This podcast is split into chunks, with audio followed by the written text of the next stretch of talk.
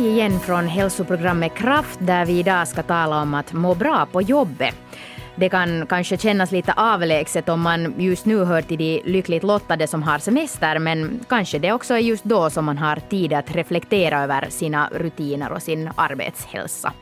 Ja, visste ni till exempel att vila på arbetstid är en av hörnstenarna i brandmännens arbetshälsa? Det ska vi höra mera om här i Kraft idag tillsammans med mig, Kira Schröder. Och mig, Nanette Marie Forström. Och vi ska också gå på konditionstest som en del av arbetshälsovården. Och så besöker vi ett företag där arbetstagarna får massage på arbetstid. Man jobbar framför en dator, eh, man sitter mycket i bil och man sitter mycket i olika mötesrum. Och i de här mötesrummen så har man ju inte tagit oftast så bra i beaktande ergonomi. Nej. Alltså fast man skulle ha ett ergonomiskt ställe att sitta och jobba på, så sen när du går till mötesrummet så sitter du i någon slags fåtölj som är, som är gjord liksom för att se bra ut men den är inte gjord för att jobba i.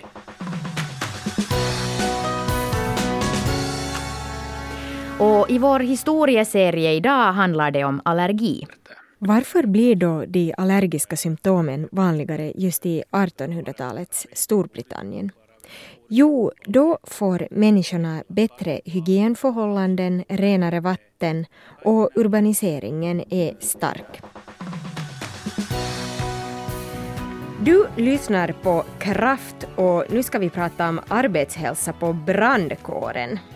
Brandmännen eller räddningspersonalen har ju ett tufft och ganska krävande jobb, både med tanke på det fysiska och det psykiska.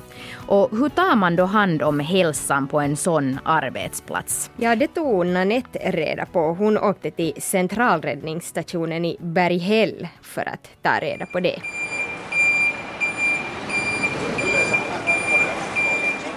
Det är morgonsamling på centralräddningsstationen i Helsingfors. De brandmän som har varit på jobb det senaste dygnet får snart gå hem och nya kommer till sitt 24 timmars skift.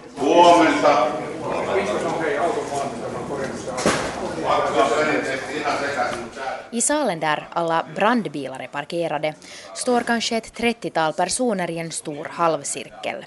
Nästan alla är män och de har blå eller vita kläder beroende på om de är på ambulanstur eller i brandbilen. Jourhavande brandchef Markku Leskinen berättar om dagens program och läser upp ett tackbrev av en privatperson. Palaute ensihoitotehtävästä 26.3.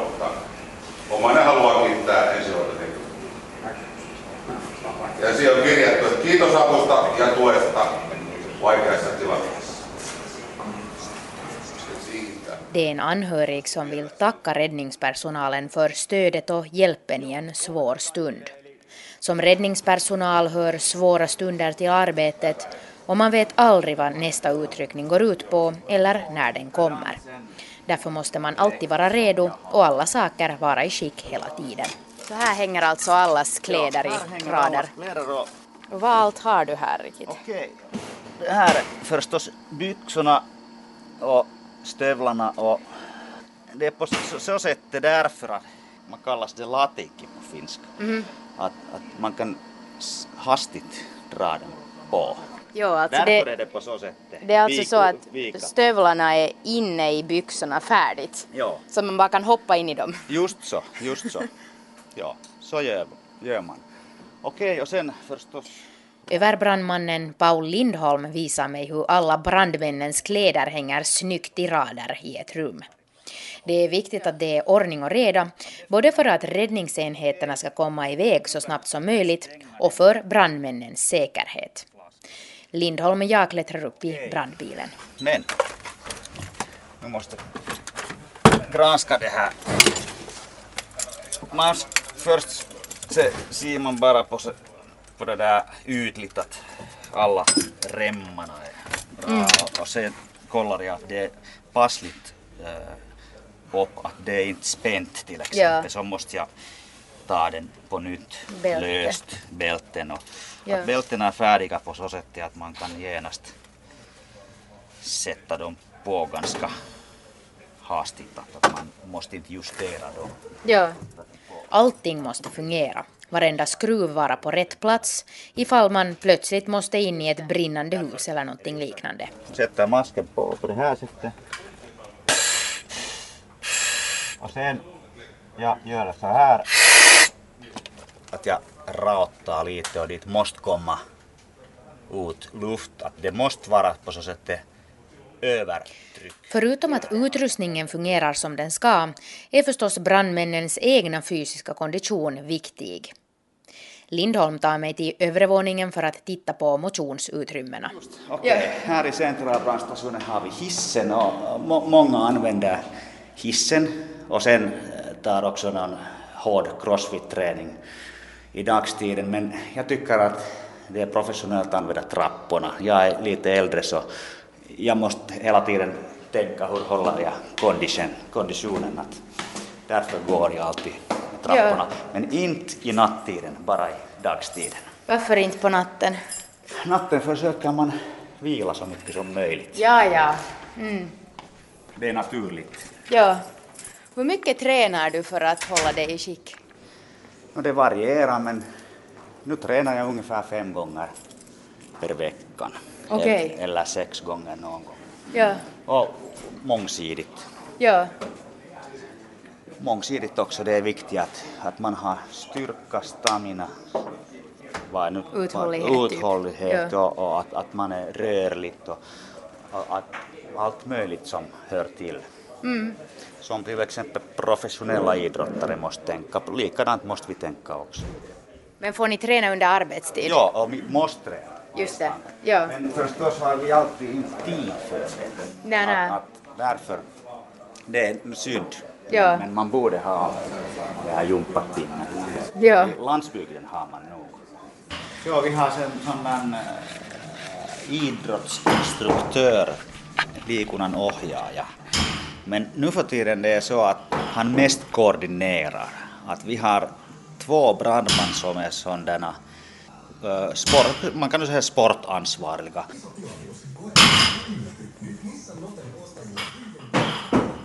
Ganska stora tyngder. ja, vår instruktör säger att för stora. Ja. Att, att det är nu för tiden att, att man har börjat sjunka lite det här tyngd, mängderna tyngder. Att man, man har börjat motionera lite fiffigare. Mm. Man måste inte lyfta 300 kilo vara en bra brandman.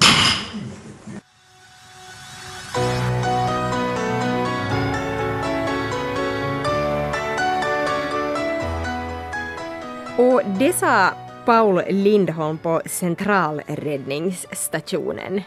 Ja, det där, um, um, det var ganska intressant när jag, det första som hände när jag kom in dit och kom till en sån här info eller, eller någon sån här liksom övervakningsenhet eller station där helt när man kommer in. Um, så berättar de här människorna, som, eller de här brandmännen som satt där att, att hej, att vi har helt jättedåliga arbetsförhållanden här och ingen vill jobba här och alla söker sig härifrån och man får inte tillräckligt med lön för mödan. Um, och det, där, det var faktiskt ganska intressant på så sätt att nästa dag i Helsingin Sanomat så var det en jättestor artikel om just att hur det är brist på arbetspla, äh, arbetskraft här på central, eller på egentligen de flesta brandstationer i Helsingfors. Och samtidigt så får man alltså inte anställa flera. Mm. på grund av sådana sparkrav. Ja, det är ju nog verkligen kan man säga ett superviktigt arbete i samhället och också ett arbete som inte vem som helst kan göra så man borde ju nog försöka hålla fast vid, vid de man har.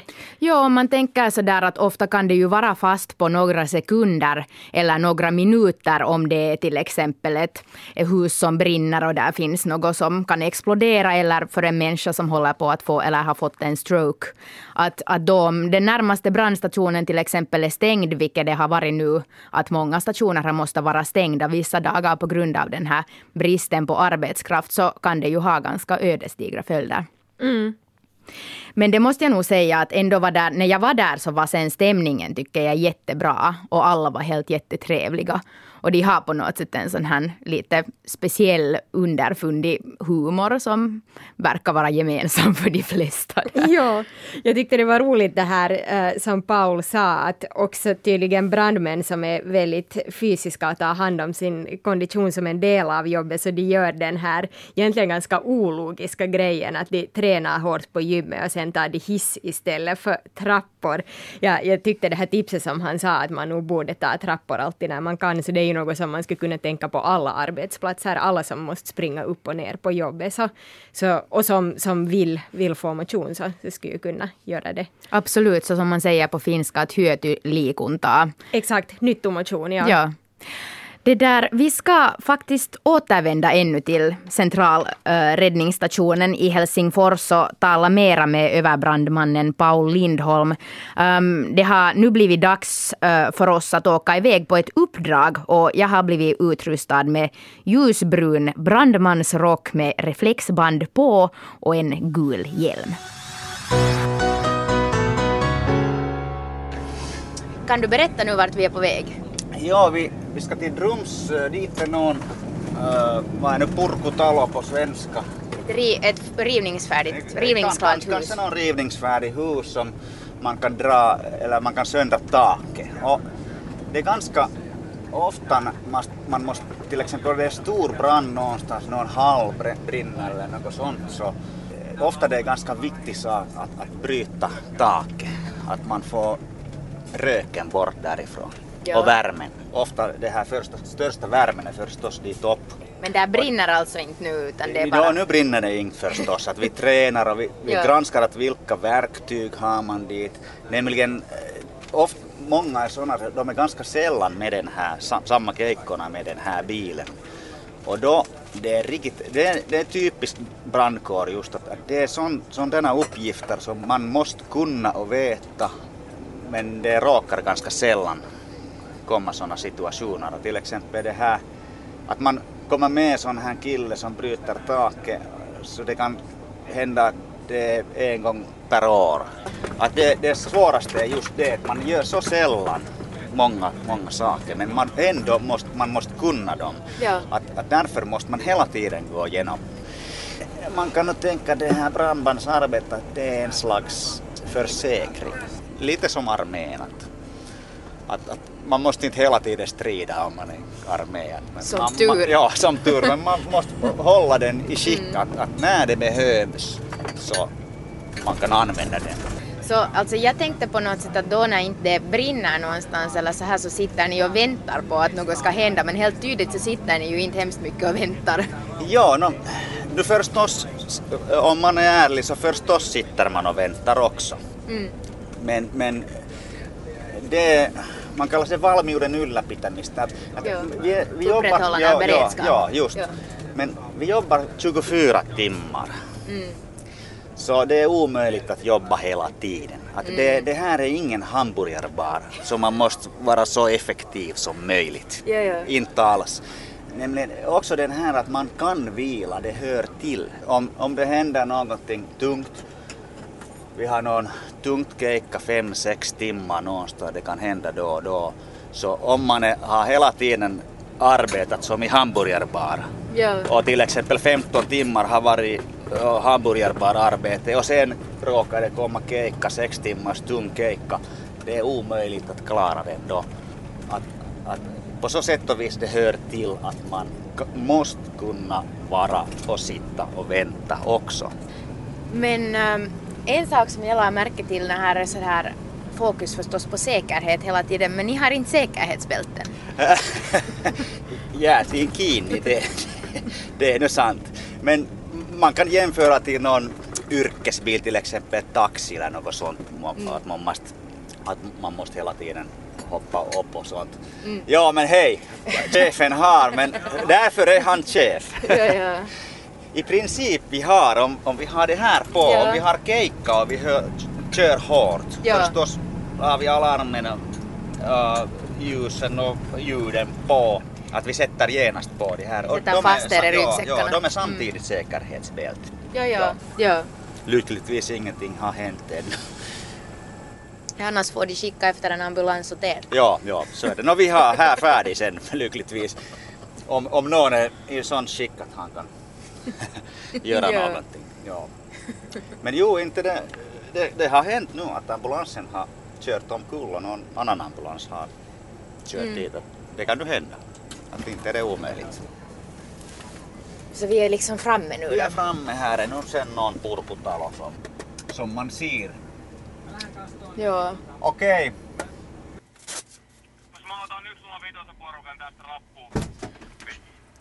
Ska jag föreslå, vill du med den här korg med lavanko upp? Okej, du? ja. Jag kan fråga Pykis om, om det passar. Om det passar bara. ja. Nu åker vi upp med en lyftkran upp på taket på huset.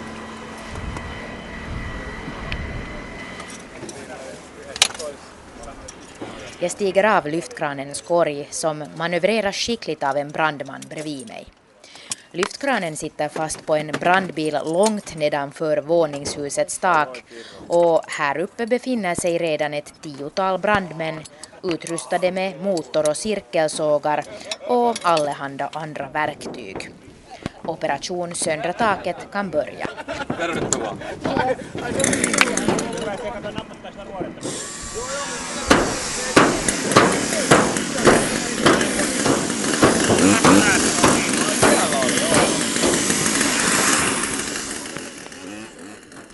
Väl tillbaka i bilen frågar jag överbrandman Paul Lindholm vilket är det värsta eller tyngsta uppdraget han har haft. Han vill ändå helst inte gå in på några detaljer och menar att det är som vilket jobb som helst. Man vänjer sig. Men har de då några rutiner för att gå igenom traumatiska upplevelser efteråt? Ja, vi har, vi har en som är ansvarig för den saken. Om det har hänt någonting större så man måste inte ens fråga den, att det kommer automatiskt. Att man på sätt och vis, till exempel om någon krossat eller något sånt, Ja. så förstås inte är det obehagligt är det också förstås. Men eh, jag tycker också det är kanske det värre är det här socialiska, psykiska. Eller om, om man har en, en 28-årig kvinna som ska snart dö med bröstcancer och hennes barn tror hela tiden att, att deras mamma klarar sig. Att Det här är till exempel värre än någon krossad kropp eller något sånt. Ja. Men så är det. Jo, man får ju säkert möta ganska mycket anhöriga som att det kan vara kanske svårt att se hur, det, hur de är oroliga och, Ja. och sådär. Ja, det är just det. Att man, man måste klara med anhöriga och man måste vara fint känslig för de här situationerna. Och en typisk, typisk situation är sån där som om man har till exempel å- återupplivat, om man har försökt återuppliva någon person, om man har misslyckats så som det ofta händer. Så om, om vi kommer till exempel sen någon från någon an, annan station, någon kompisar som du känner och du har på ett år sett och sen du börjar säga hej morjes Kake och klappa till ryggen och må kiva att se. Att, att man måste hela tiden akta med sådana saker att hej, vad, vad egentligen händer? Att man måste, man måste va- vara medveten att, att den här situationen. Men när det börjar bli rutinmässigt så man kan ofta glömma bort den att eh, vad är egentligen den här situationen i riktigt, Ja. på riktigt till någon. Att det är också den som man hela tiden måste hålla hit. Ja. hej, inte börja äh, diskutera på så, på, så sätt, på så sätt glatt med någon gammal kompis om det har hänt någonting illa till någon.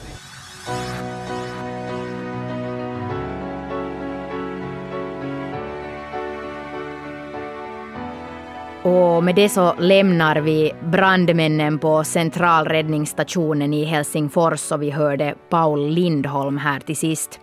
Och nu ska vi besöka en betydligt mindre fysisk arbetsplats där man har tagit i handgripliga metoder för att råda bot på de spänningar som kan uppstå när man sitter stilla hela arbetsdagen.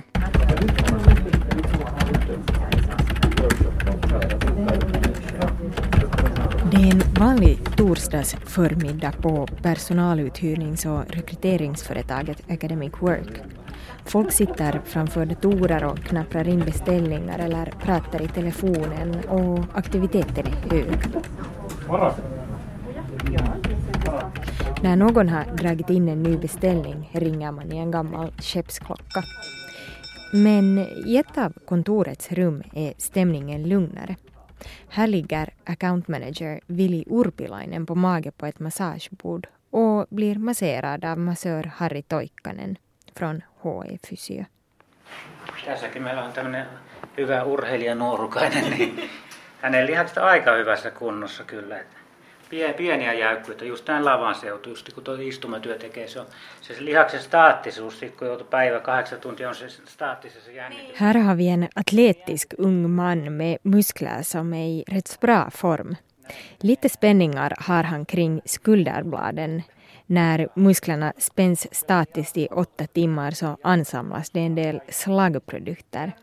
Det är dem jag nu försöker få igång här, berättar Toikkanen och knådar på. Jos on rehellisesti, niin sinänsä omalla tavallaan ehkä viikon kohokohta, varsinkin jos miettii niin kuin työelämää tai sitä, että kun töissä ollaan, niin sitten aika usein se suomalaisten varsinkin ajatus on se, että eihän missään nimessä niin saisi olla mukavaa tai rentoutua töissä, vaan täällä pitäisi olla sellaista, sellaista tietynlaista työläisen kärsimystä, mutta kyllä nämä on, nämä on ihan huippuhetkiä. För Vili Urpilainen är massagestunden mitt på arbetsdagen någonting av en höjdpunkt.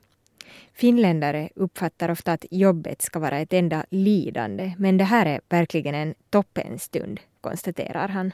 Totta kai kun tekee näyttöpäätetyötä, niin yeah. siinä kyllä sen huomaa. Ja sitten totta kai ihan muutenkin energiaa, energiataso ja se, se myöskin semmoinen niin ehkä mielen virkeys. Yeah. Että toimii totta kai myöskin niin kuin semmoisena vähän hengellisenä taukona justiinsa yeah. sitten tähän tiukkaan työhön.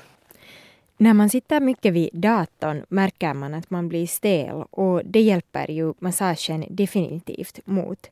Men dessutom är det ett mentalt andningshål, konstaterar Urpilainen. Så här berättar Academic Works personalchef Veli-Pekka Vuori om hur man kom fram till att man ville erbjuda sina arbetstagare massage. Om man tänker på vad den här massagen är och varifrån den kommer, så det, det, det har ju att göra med arbetsskyddet. Om vi tänker på vår miljö, vi är äh, ett servicebolag, äh, alla jobbar på kontor, det finns inga farliga ämnen, inte, inte ett mycket lätt fysiskt jobb. Uh, så, så de där stora riskerna som, som finns gäller ju då den där liksom psykiska belastningen och, och sen då det, det som har med, med ergonomi att göra. Det vill säga att man jobbar framför en dator man sitter mycket i bil och man sitter mycket i olika mötesrum. Och i de här mötesrummen så har man ju inte tagit oftast så bra i beaktande ergonomi. Nej. Alltså fast man skulle ha ett ergonomiskt ställe att sitta och jobba på så sen när du går till mötesrummet så sitter du i någon slags fåtölj som är, som är gjord liksom för att se bra ut men den är inte gjord för att jobba i. Ja. Och det blir ju liksom sen, sen problem därför. Academic Work betalar för åtta halvtimmes massagesessioner per år för varje arbetstagare som jobbar heltid. Vill man ha mer massage får man betala för det själv, men nog utnyttja tjänsten på arbetstid, berättar Vuori. Idén med att ha det uh, på det här sättet som vi har organiserat det på arbetstid är ju att det är lätt. Man behöver inte åka långa vägar för att komma åt massagen och dessutom kan man göra det mitt på arbetsdagen. Mm. Det är ju normalt en, en halvtimmes tid som man har. I form av vad det kräver, uh, vad är det av er? No, alltså det är förstås ett, ett, ett utrymme var man kan liksom få vara i lugn och ro. Och, och ja, det, är ju, det är ju enkelt om det, man, massören har ett sånt här massörbord som, som man kan vika ihop Mm. Så det, det, det kräver inte många kvadratmeter utrymme för att fixa ett rejält ställe. Har ni följt upp vad det här har haft för resultat, att ni erbjuder den här tjänsten? Någon sån här högklassig liksom undersökning på vetenskaplig basis har vi inte gjort. Men den feedbacken som vi har fått är, har ju varit jättepositiv. Folk, alltså vi har förstås kanske haft bra tur också, vi har hittat en sån, sån, sån, sån massör som alla uppskattar. Men, men alltså folk tycker ju förstås att det är jätteskönt och det är jätte, jättenyttigt. Sen förstås så vår, eh, de som jobbar hos oss är ju i allmänhet ganska unga med en snittålder på lite över 30 Eh, så vi har ju folk i, i jättebra fysisk kondis överlag. Mm. Så liksom om, om vi skulle vara på en annorlunda arbetsplats så kanske det skulle se annorlunda ut. Och nu, nu upplever ju folk att, att det hjälper. Sällan har vi, alltså som då personalchef, så sällan hör jag att folk skulle ha större fysiska problem. Så jag, jag hoppas att det är en indikator på att det har, har varit liksom ett bra förebyggande mm. sätt att jobba på. För massören Harry Toikkanen är Academic Work ett typiskt kundföretag där folk sitter mycket vid datorn och kan få problem med skulderbladen, axlarna och nacken. Kyllä nämä niin kaikki toimistotyöntekijät, niillä on just nämä samat lihakset. Mä kerroin tämä pieni kolmio tuossa, että hartiat ja tämä niska, mm. niska niin ne, niissä on aina sitten jännityksiä. Että mä aloitin hierontatyöt just silloin 91 vuonna ja mulla, mä aloitin Turussa ja mulla kävi kaiken näköisiä asiakkaita. Raksamiehistä, rekkakuskeja, taksikuskeja, armeijan upseereita, kokkeja. Ja nyt nämä kaikki, kaikki firmat, missä mä käyn, ne on ATK-ala ihmisiä. Harry Toikkanen berättar att när han började massera i mitten av 1990-talet var klientelet betydligt mer brokigt än idag. På den tiden kom byggarbetare, taxichaufförer, yrkesmilitärer och kockar. Men nu är alla någon form av datoranvändare som sitter på kontor. Vi massörer får vara tacksamma för datorerna, skrockar han. Tietokone on vähän semmoinen, semmoinen niin lihasten jumittaja, mutta me hieroja saadaan olla iloisia, että on tullut tietokoneet markkinoille. Se on lisännyt meidän töitä tosi paljon. Personalchef Veli-Pekka Vuori ser massagen som en lyckad satsning, men han påminner om att den är bara en liten del i arbetstagarnas välmående. Någonting av en lyxvara som man kan unna sig när de grundläggande fundamenten är i skick. No, man måste ju vara medveten om att analysera att hur det ser ut i det egna företaget. Vad är situationen? Vilka är styrkorna? Vilka är svagheterna? Vilka är utmaningarna? Och hurdana verktyg har man för att då fixa eh, de här utmaningarna? Vissa saker kan man ju inte liksom helt och hållet trolla bort. Jag menar om man jobbar med i, i, i en bransch som är tävlad och, och liksom vad det höga målsättningar så inte kan man ju trolla bort psykisk press till exempel utan det är någonting som man måste lära sig att leva med, man måste lära sig att hantera det, man måste lära folk då att lära sig själv att kunna hantera och leda sig själv på ett bättre sätt. Uh, sådana här eh, massage är ju ett liksom enkelt, konkret, en rolig grej att fixa. Mm. Men jag skulle säga att ändå de där viktig, viktigaste sakerna har att göra med med, med ett fungerande ledarskap och ett fungerande samarbete mellan chefen och, och, och medarbetaren och hur man på ett sån individualiserat sätt kan liksom ha en öppen dialog och diskussion och, och liksom försöka få förväntningar och krav att, att liksom träffa ihop helt enkelt. Det, det är den där viktigare biten. Resten är liksom sån här liksom roliga nice to haves med mm. om man, har, man ordnar en idrottsdag eller en, man fixar massage eller någonting annat. Men, men allting börjar ju från det att du har en, människa som tycker om sitt jobb uh, och som kommer överens med sin chef och att, att alla vill jobba mot ett gemensamt mål. Om den biten är fixad, så då, då, då kan man bygga på alla möjliga roliga grejer där runt omkring. Och det sa Veli-Pekka Vuori. Och vi har nu med oss fysioterapeuten Stina Westerlund. Välkommen till Kraft. Tack. Det där, vad tror du om det här med att erbjuda massage på arbetstid? Jag tycker det låter som en väldigt bra idé. Det är ingenting nytt, det har pågått länge, eh, men det är få företag som utnyttjar det. Och jag tycker att eh, det är ett sätt att investera i, i det mest värdefulla som man har, det vill säga företagets anställda. Mm. Som fysioterapeut fysioterapeut, hurdana fysiska problem ser du att folk som är ute i, i arbetslivet har? Mångsidiga problem. Uh, huvudsakligen är det på grund av statiskt eller ensidigt arbete. Uh, många sitter dagligen långa tider och har mycket lite pauser eller rör på sig väldigt lite. Och det har en hel del av problematiken har med att sitta eller vara stilla. Antingen sitta i bil längre stunder eller sen vid arbetsbordet.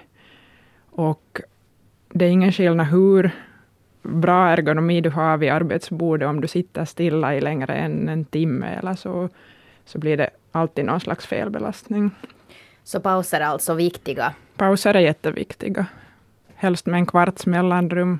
Oj. Det skulle vara idealiskt att lite röra på sig en tre sekunder, ändra ställning, stiga upp, sträcka på sig och sätta sig igen och fortsätta. Det ska vi faktiskt höra om lite senare här i kraft, just sådana applikationer på smarttelefonen som påminner dig att, att ta pauser. Du nämnde det här med arbetsställningen när man sitter vid datorn till exempel. Vad är det man ska tänka på där?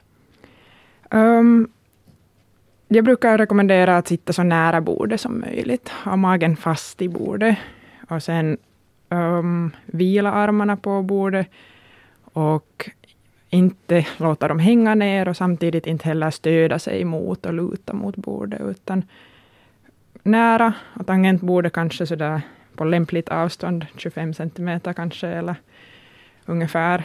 Och sen datorskärmen så att det är bekvämt för ögonen, att man får hålla huvudet i en god hållning och inte behöva hänga framåt med huvudet. Hur, alltså du menar att de ska, händerna ska inte luta mot någonting? Menar du mot armstöden eller mot bordet? Eller? Jag menar att underarmarna får gärna luta mot bordet, men man ska inte bära kroppstyngden och luta framåt. Ja, tynga liksom mm. på, tynga på ja. bordet. Ja. Vad är din uppfattning med folk som sen får problem av att sitta? Kommer de i tid för att uppsöka vård eh, och, och göra kanske också förebyggande arbete eller, eller är det liksom väldigt, väldigt stela personer sen som kommer till en fysioterapeut som dig? Um, jag har väldigt mångsidigt och olika, uh, en uppfattning av olika besvär. En del av uh, kunderna har ett sittande jobb och känner sig vara spända men sanningen är att de inte är spända utan musklerna är svaga. Ah. Så istället för att stretcha och töja och massagera så skulle det vara idealiskt att jobba så att muskelstyrkan kommer upp så att de har en möjlighet och kraft att sitta i god hållning. En del är sen uh, medspända muskler delvis och då är det väldigt lätt att få dem i skick med till exempel massage och pausgymnastik. Och en del är sen väldigt, väldigt, väldigt spända. Och då är det tungt för dem, även om man masserar en gång i veckan eller två gånger i veckan, så är det åter och åter igen lika spänt nästa gång. Och det är väldigt individuellt, att vissa personer har då en hög muskelspänning från naturligt, och andra har väldigt mjuka muskler och mjuka vävnader annars också, så då är det lättare för de som har mjuka vävnader att hålla sig i god uh, gott skick, så att det inte kommer spänningar. Mm. Kan du säga någonting om hur arbetsplatshälsovården har utvecklats? Jag har inte någon statistik på det, men jag anser att uh, samarbete mellan olika personer inom arbetshälsovården, inom lä läkare och arbetshälsovårdare, arbetsfysioterapeuter, samarbete har blivit bättre. Mm. Och uh, läkare vet vad kan en arbetsfysioterapeut göra för den här personen. När är det dags att gå till arbetspsykolog till exempel. Och samtidigt så fungerar samarbetet tycker jag väldigt bra. Mm. För en sån här vanlig lekman åtminstone verkar det som om att arbetshälsa är någonting man satsar mera på nu för tiden. Stämmer det tror du? Jag har en känsla av att det faktiskt är så, att man satsar mera på det. Det är att rekommendera, tycker jag, för att det är ändå en stor siffra, som, eller de största orsakerna till uh, sjukfrånvaro är faktiskt stöd och rörelseorgansproblem. muskler, senor, leder som belastas fel och därmed behöver stödas och man, man behöver få den rätta rådgivningen av ett proffs som säger att i det här fallet lönar det sig att träna, i det här fallet lönar det sig att hålla paus eller stretcha eller avbryta ett statiskt arbete och vila. Att det är nog till väldigt stor nytta av att företagen tar hand om sin personal och sköter om, sig, sköter om den bättre än, än att låta varje individ sköta om sig själv och se till att man är arbetsför. Mm.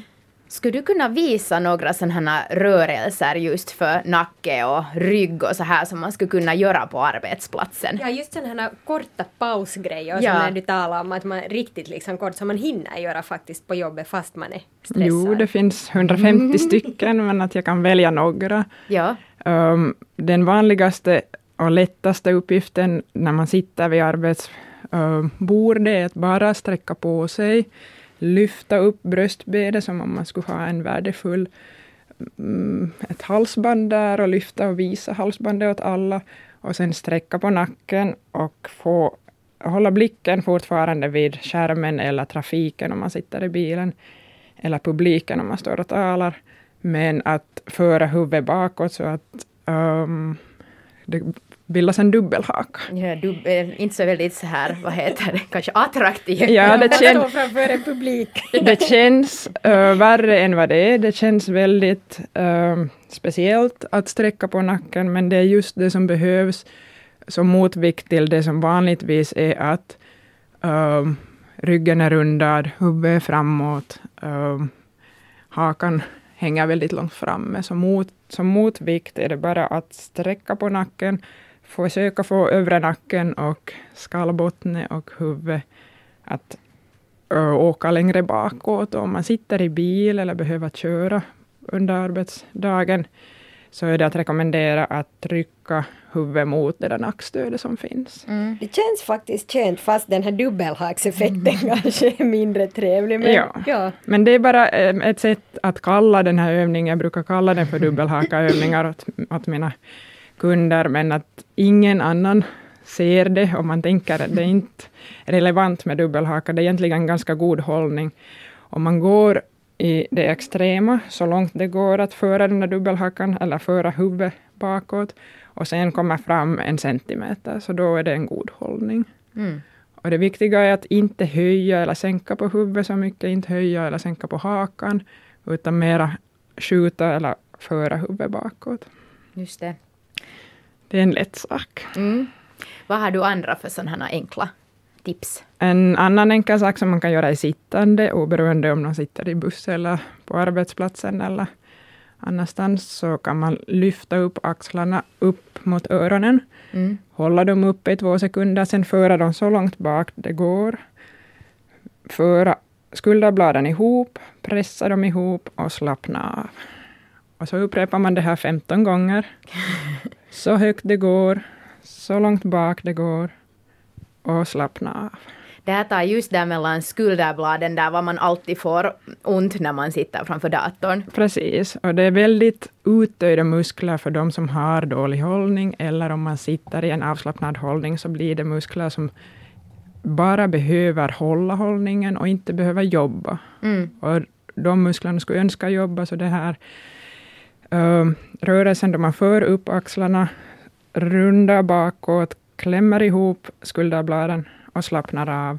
Så den gör att det blir dynamiskt arbete för musklerna och de får en bättre blodcirkulation och samma, lite samma effekt som den här mannen talade om i inslaget om att massagen för bort slaggämnena som blir kvar i musklerna. Så lite samma sak händer det bara med att man upprepat gör dynamiska övningar för musklerna. Mm. Yes, tack så jättemycket uh, Stina Westerlund för att du kom hit till Kraft och både visa övningar och diskutera uh, alla olika typer av fysioterapi och massage och sånt som man kan göra på arbetsplatsen. Tack så mycket, det var roligt. Och vi kommer alltså att lägga upp en video på webben där Stina visar de här rörelserna som vi just talade om i studion. Och de finns alltså på svenska.yle.fi kraft. Och nu ska vi följa med Maria som har valt att inte bli omnämnd med sitt efternamn som går på konditionstest som är en del av den arbetsplatshälsovård som hennes arbetsgivare står för. 30 sekuntia saat lähteä nyt liikkeelle.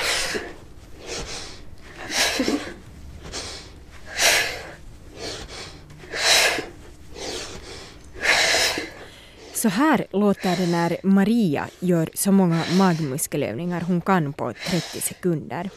Fysioterapeut Satu Koskela tar tid och ger instruktioner. Konditionstestet som vi har fått följa med på är en del av Marias arbetsplatshälsovård. Yhden kerran Ja, yes. Hyvä. 15. Tanken är att jämföra Marias kondition med andra kvinnors i samma ålder vad gäller uthållighet och syreupptagningsförmåga, muskelstyrka, kroppskontroll och rörlighet, förklarar Koskela. Joo, eli tämä on siis terveyskuntotesti, jossa mitataan samanikäisiin verrataan sekä kestävyyskuntoa, eli hapeuttokykyä, ja sitten mitataan myöskin vähän lihaskuntoa, kehohallintaa ja liikkumista. Som fysioterapeut har Satu Koskela utfört otaliga liknande konditionstest för människor i arbetslivet och hon har lagt märke till en både överraskande och oroande trend. Uskomatonta, mutta totta. Varmasti tunnetaan myös eri ammattialoilla tämä sama trendi, että nuoret työelämään tulevat on usein niitä ikään kuin heikoimpia linkkejä. Ja mitä taas iäkkäämpää ikäluokkaa, niin sitä varmemmin on jo... Det kan låta otroligt, men det är faktiskt så att unga människor som inleder sin arbetskarriär oftast är den svagaste länken när det gäller hälsa.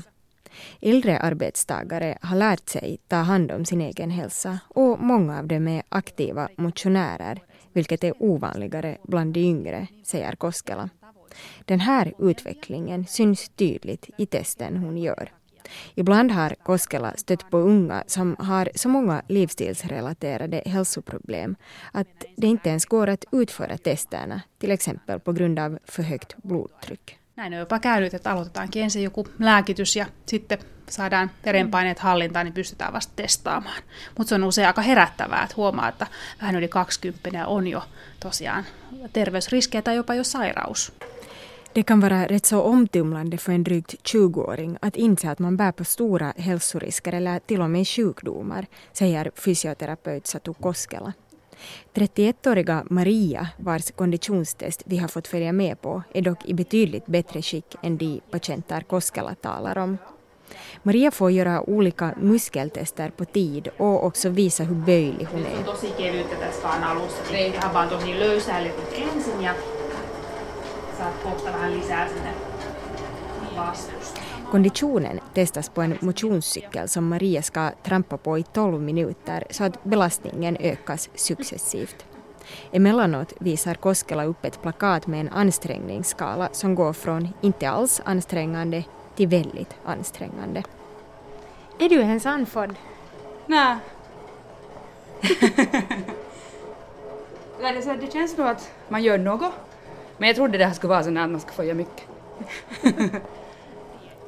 Största delen av testet känner Maria sig inte alls ansträngd och i slutet på testet är hon bara något ansträngd och har inte ens blivit svettig. Koskela konstaterar att det märks att Maria brukar cykla till jobbet. Mistä voi oikein ottaa noin? Joo, tämä siis perustuu tällaiseen niin kuin sähkömagneettiseen Sen är det dags att mäta fettprocenten, vilket görs med en maskin som ser ut som en våg med handtag som Maria ska sträcka ut framför sig. Det visar sig att Maria har onödigt högt BMI och hög fettprocent, något som inte kommer som en överraskning för henne själv. Tämä on rasvaprosentti. 33-38 ja sä oot sitten täällä Oho, porukassa erittäin korkea rasvaprosentti. Oho. Ja se sun painoindeksi 28, niin se on myös tuolla lievessä. No sen mä oon tiennyt. Ylipainossa. Fysioterapeut Satu Koskelas konklusion blir att Maria kunde jobba på att få ner fettprocenten och öka muskelmassan. Men annars ska hon fortsätta som nu med aktivt motionerande i vardagen. Maria själv är nöjd. Jag tycker det var intressant. Uh, jag tror liksom någon som har jobbat längre med det som jag jobbar med, det är liksom ett ganska stressigt jobb åtminstone så här tid till tid, så skulle vara liksom mer att, att påverka stressen sen livet och sådär. Att nu var det ju främst att hur jag annars så här, lever mitt liv så fick man veta ganska mycket att, att det är helt okej. Okay. ja. Så det, var, ja, det är ju trevligt att veta att, mm. att det där det man gör är rätt och, och räcker till. Och det här sa alltså Maria efter att hon då hade genomfört ett konditionstest som hennes arbetsgivare bekostar som en del av arbetsplatshälsovården. Och nu är det igen dags att känna historiens vingslag här i kraft för det har blivit dags för veckans avsnitt av Valt bättre förr. Den här gången gräver vi ner oss i allergier och börjar i ett faraonernas Egypten. Den troligen första nedtecknade referensen till allergier härstammar från faraonernas Egypten 3000 år före den västerländska tideräkningen då farao Menes påstås ha dött av ett getingstick. Det här är eventuellt den första illustrationen på att allergier kan vara livsfarliga, säger Tari Hahtela som är professor emeritus i klinisk allergologi. Tämä on ehkä ensimmäinen kuvitettu kertomus siitä, että allergia voi olla myös hengenvaarallista ja me tiedämme tänä päivänä, että ampiaisen tai mehiläisen pistoon Suomessakin kuolee keskimäärin yksi ihminen vuodessa.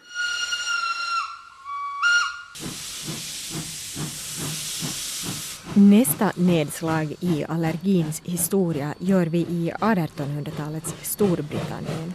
En tid då ånglokomotiv och andra tekniska uppfinningar breddade väg för den industriella revolutionen och samtidigt förändrade vår livsmiljö i grunden.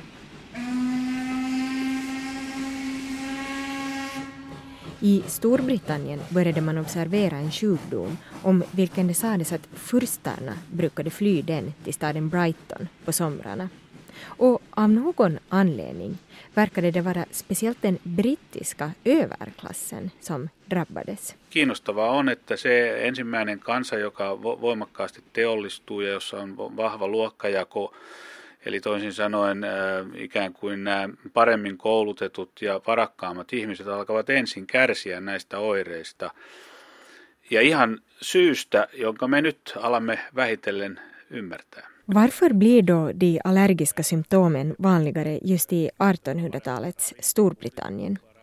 Jo, då får människorna bättre hygienförhållanden, renare vatten och urbaniseringen är stark. Allt det här är faktorer som påverkar hur människor är i kontakt med den omgivande naturen.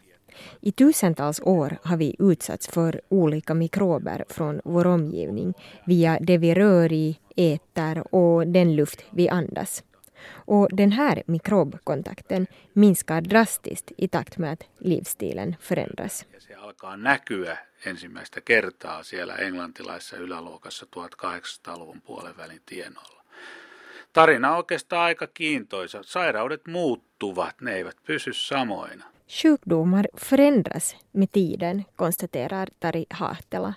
Och detsamma gäller för hur man förhåller sig till dem.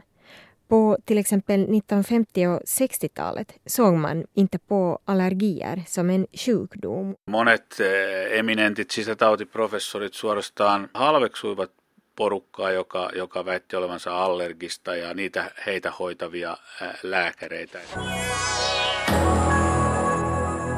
God afton, det är dags för TV-nytt. Tiotusentals östtyskar började i natt strömma över till Västberlin sedan gränsen hade öppnats. Det är idag en ovanlig dag i Tysklands historia. Vad har Berlinmurens fall med allergins historia att göra? Jo, det var via jämförande studier mellan före detta Öst och Västberlin och liknande studier mellan finska norra Karelen och ryska Karelen som man började inse hur mycket levnadsvanor och miljöfaktorer faktiskt påverkar allergier. Hahtela var en av de forskare som jämförde allergiförekomsten mellan skolbarn i finska och ryska Karelen. Två platser med väldigt olika levnadsförhållanden trots att de ligger nära varandra. 7-16-vuotiaat lapset äh, siellä Venäjän puolella olivat 2 äh, prosenttia heistä herkistynyt koivunsiitepölylle, kun Suomessa 20 prosenttia, eikä näiden tutkimuspaikkojen väli ole kuin vähän alle 200 kilometriä.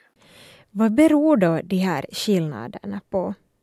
Det har varit föremål för mycket forskning de senaste åren. Enligt Tari Hatela är det inte möjligt att det skulle ha skett några dramatiska förändringar i befolkningens genetiska arvsanlag på så kort tid, utan det måste ha att göra med omgivningen och livsstilen. Läheinen kytkentä monimuotoiseen luontoon tuotti rikkaan mikrobiomin, Me katsottiin ihoa, mutta samalla tavalla suolistossa ja hengitysteissä. Se tuotti vahvaa vastustuskykyä ja se tuotti oikeita reaktioita niin, että ei reagoitu esimerkiksi koivun siitepölyyn, joka sinällään on harmiton hiukkanen. Sehän ei vaaranna elimistöä, ei sille ole mitään järkeä, että 20 prosenttia suomalaisista reagoi aivastamalla ja menemällä tukkaan. De jämförande undersökningarna i bland annat Karelen visade att om man är i nära kontakt med en rik natur med stor biodiversitet så utsätts man också för en rik mikrobflora som ger stark motståndskraft mot till exempel björkpollen som ju i sig inte är någonting farligt. Det finns ingen logik i att 20 procent av befolkningen reagerar på björkpollen genom att bli helt igentäppta påpekar Tari Hahtela. Hur borde vi då reagera på de här forskningsresultaten? Se, se on itse asiassa hyvin syvällinen kysymys kaiken kaikkiaan, koska se kertoo, miten väestöt ja ihmispopulaatiot muuttaessaan kaupunkeihin muuttaessaan elintapoja, mille uusille asioille he ikään kuin sairausmielessä altistuvat.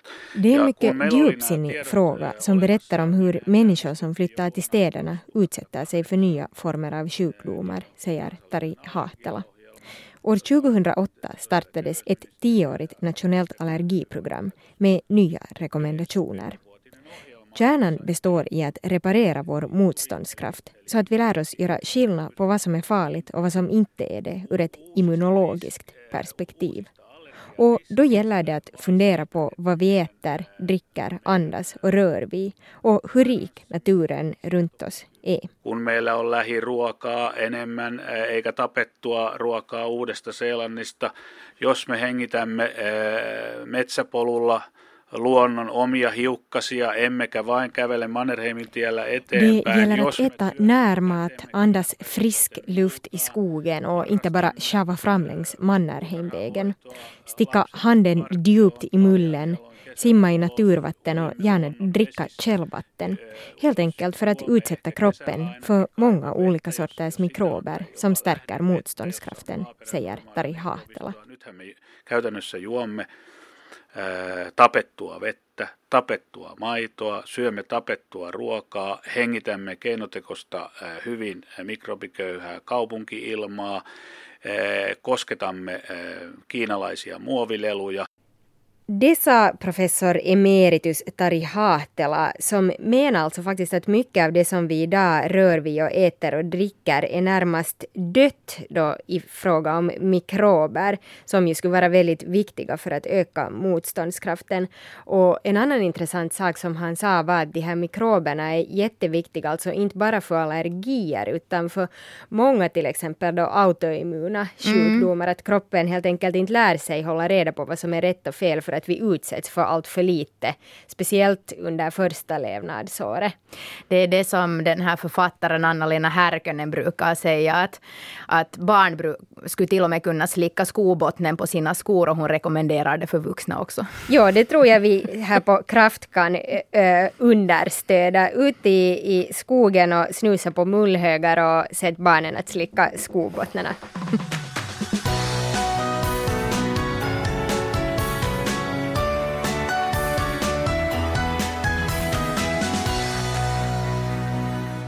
Här i Kraft så testar vi ju varje vecka uh, olika hälsorelaterade applikationer för smarttelefoner. Och den här veckan så är det Nanette som mm. har testat appar. Vad är det du har gett dig in på? Jag har testat fyra olika appar som just till för det här som, som Stina, fysioterapeuten, talade om här tidigare. Ta paus i jobbet eller sen då blockera sådana störande sajter som kan göra att man inte är så effektiv på jobbet. Vad kan det vara för sajter? Mm. Jo, jag kan berätta att den sajt som jag blockerade då uh, var Facebook och, och det där det finns en sån här app, det finns säkert en uppsjö, eller det finns en uppsjö av olika appar för det här ändamålet. Men den som jag testade hette Stay Focused, med focused skrivet bara med D på slutet. Um, som är en sån här plug-in i webbläsaren Chrome. Uh, så det blir som en del av din webbläsare. Mm. Och, och sen kan du registrera olika sidor i den här appen som du då vill blockera. Um, och um, jag blockerade då Facebook på det sättet att, att den var tillåten för mig i tio minuter per dag. Och, och det där, sen när den här tiden hade löpt ut, så då kom det bara upp en sån där text att shouldn't you be working, alltså borde du inte jobba. Sen kände, den hade många sådana liksom små fyndigheter i, i hur den kommenterade. på din skärm. Absolut, på min axel. Um, och jag märkte ju nog att det minskade mitt Facebookande, men de facto märkte jag också att äh, jag jobbar ganska mycket via Facebook. Så vad jag då förstås gjorde var att jag använde en annan webbläsare och var på Facebook ändå. Haha. Sen äh, om vi går vidare äh, så testar jag då, om vi kommer till sådana här paus i jobbet-appar som vi hörde att, var, att det är jätteviktigt att man tar pauser mer ofta än man trodde, liksom kanske med 15 minuters mellanrum. Eh, så testar jag PC Work Break, alltså det funkar på PC-datorer. Och en sån här desktop-app som man har på datorn. Eh, och man kan ställa in själv eh, det där hur, med hur långa mellanrum de här pauserna kommer. Men jag hade det på sån här standard inställning. Och vad var det? Uh, no, de kom ganska ofta de här pauserna kändes det som. Eh, den kortaste var en, en två minuters vanlig paus, som säkert just var det här som Stina talade om, att man bara liksom i med, jämna mellanrum borde lite sträcka på sig och, och det där rulla på axlarna och sånt Jo, och man skulle säkert inte ens behöva så mycket som två minuter Nej. för att göra till exempel den här dubbelhagsmanövern. Där räcker väl nästan tio sekunder. Ja, uh, och sen föreslog den då stretchpaus på fem minuter och promenad på 15 minuter. Men jag tyckte alltså att de här pauserna kom så ofta och också så där att den inte räknade, om den hade en paus på fem minuter med varje halvtimmes mellanrum så kunde det komma den här promenaden promenaden en fem minuter efter. Att det räknar liksom inte när senaste paus hade varit. Så det kändes lite sådär dumt. Men det kan hända att man skulle kunna ställa in det vettigare. Mm. Ja, um, Stina rekommenderar ju faktiskt var femtonde minut, men, men antagligen då väldigt mycket kortare ja. än att ta en kvarts promenad. Ja, sen testade jag en annan app för, för att ta pauser som hette Time Out Free och den funkade på Mac-datorer så om det var någon som kände sig förbisedd här, när det bara talades om PC, så finns det då ett sånt här alternativ. Och den hade alltså en jättebra just sån här 30 sekunders paus som den föreslog. Så det, det tyckte jag var ganska bra. Sen kan jag kort ännu berätta om, om en sån här ögon uh, app som jag testade. Uh, som alltså ger dig konkreta råd för hur du ska jumpa ögonen med jämna mellanrum på jobbet. Då. Uh, men det, där, det var den enda som hade några ljudeffekter. Jag kan spela upp, den var kanske inte så jättehäftig då, den här ljudvärlden. men bara för att illustrera det så spelar jag upp här. Step one, palming. Rub.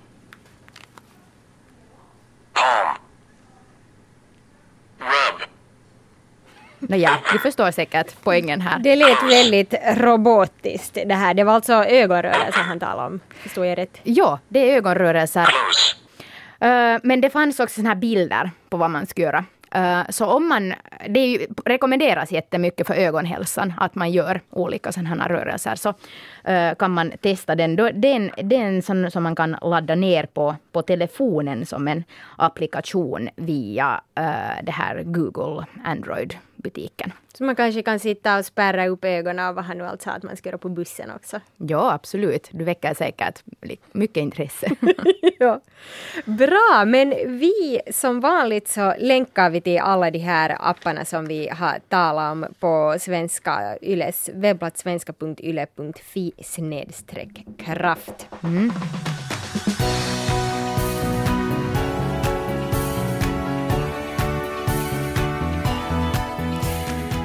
Nästa vecka är Kraft tillbaka, överraskande nog. Och då nästa vecka så har vi tema olika dieter. Är de av ondo eller är de bra? Bland annat sådana saker funderar vi på. Vi hörs då. Hej hej!